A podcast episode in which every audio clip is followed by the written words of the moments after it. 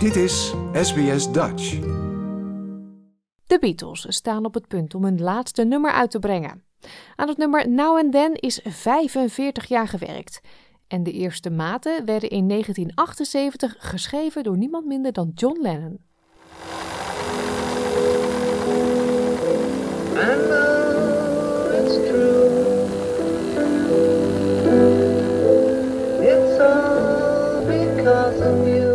Eind jaren 70 nam John Lennon die demo op in zijn appartement in New York.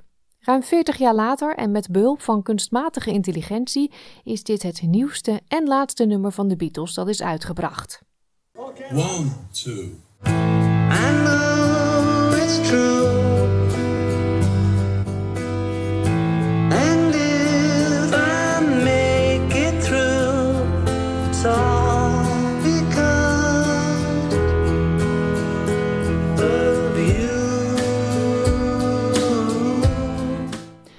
Begon allemaal in 1994 toen John's weduwe Yoko Ono de demo aan Paul McCartney gaf.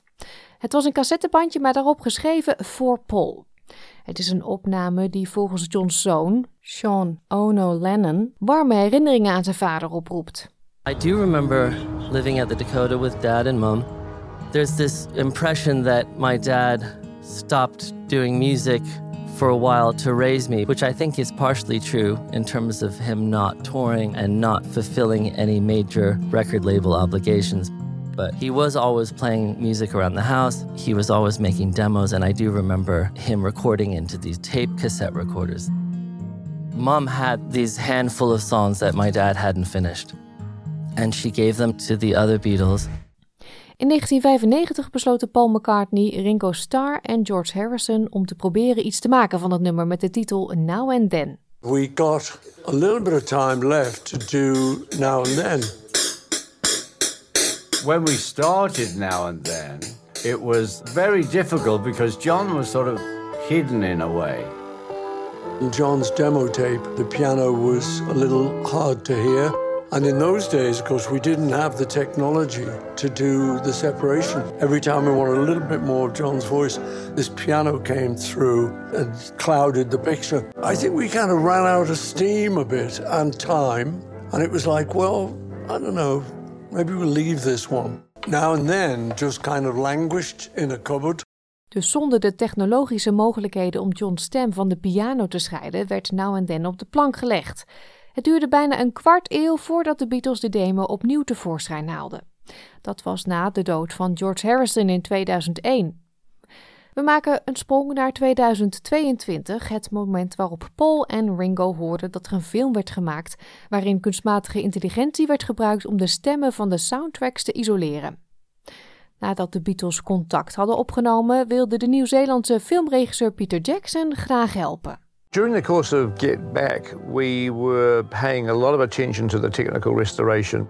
That ultimately led us to develop a technology which allows us to take any soundtrack and split all the different components into separate tracks based on machine learning. Met behulp van kunstmatige intelligentie duurde het maar een paar minuten om het gevoel te creëren dat John Lennon 43 jaar na zijn dood in de kamer stond. I know it's true. It's all because of you. And if I make it through,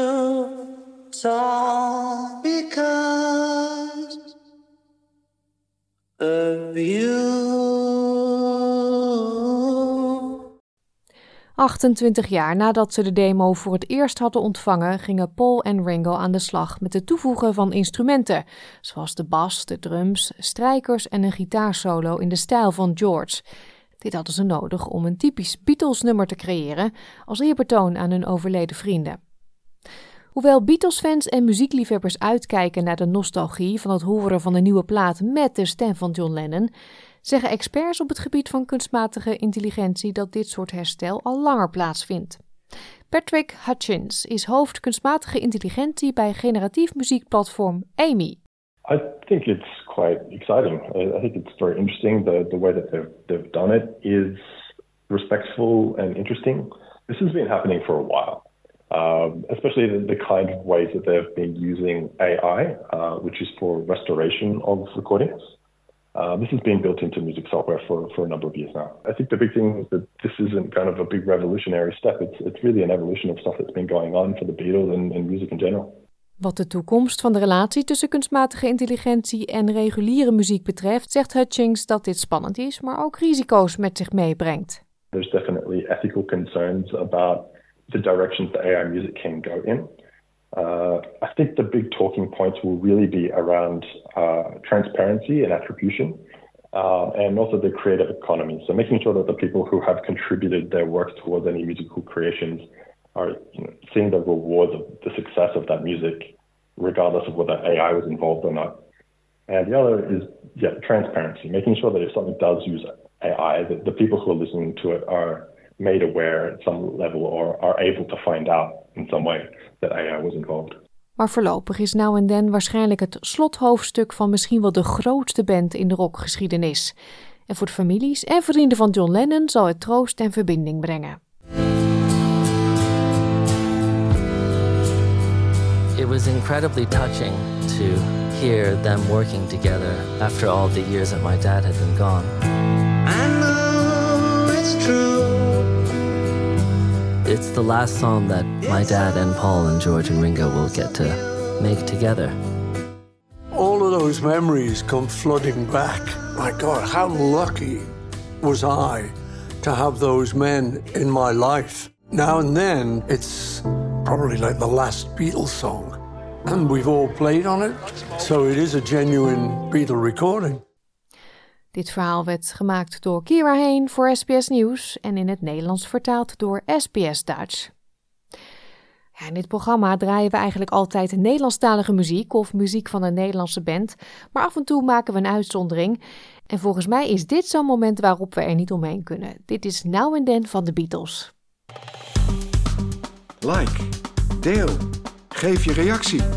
Volg SBS Dutch op Facebook.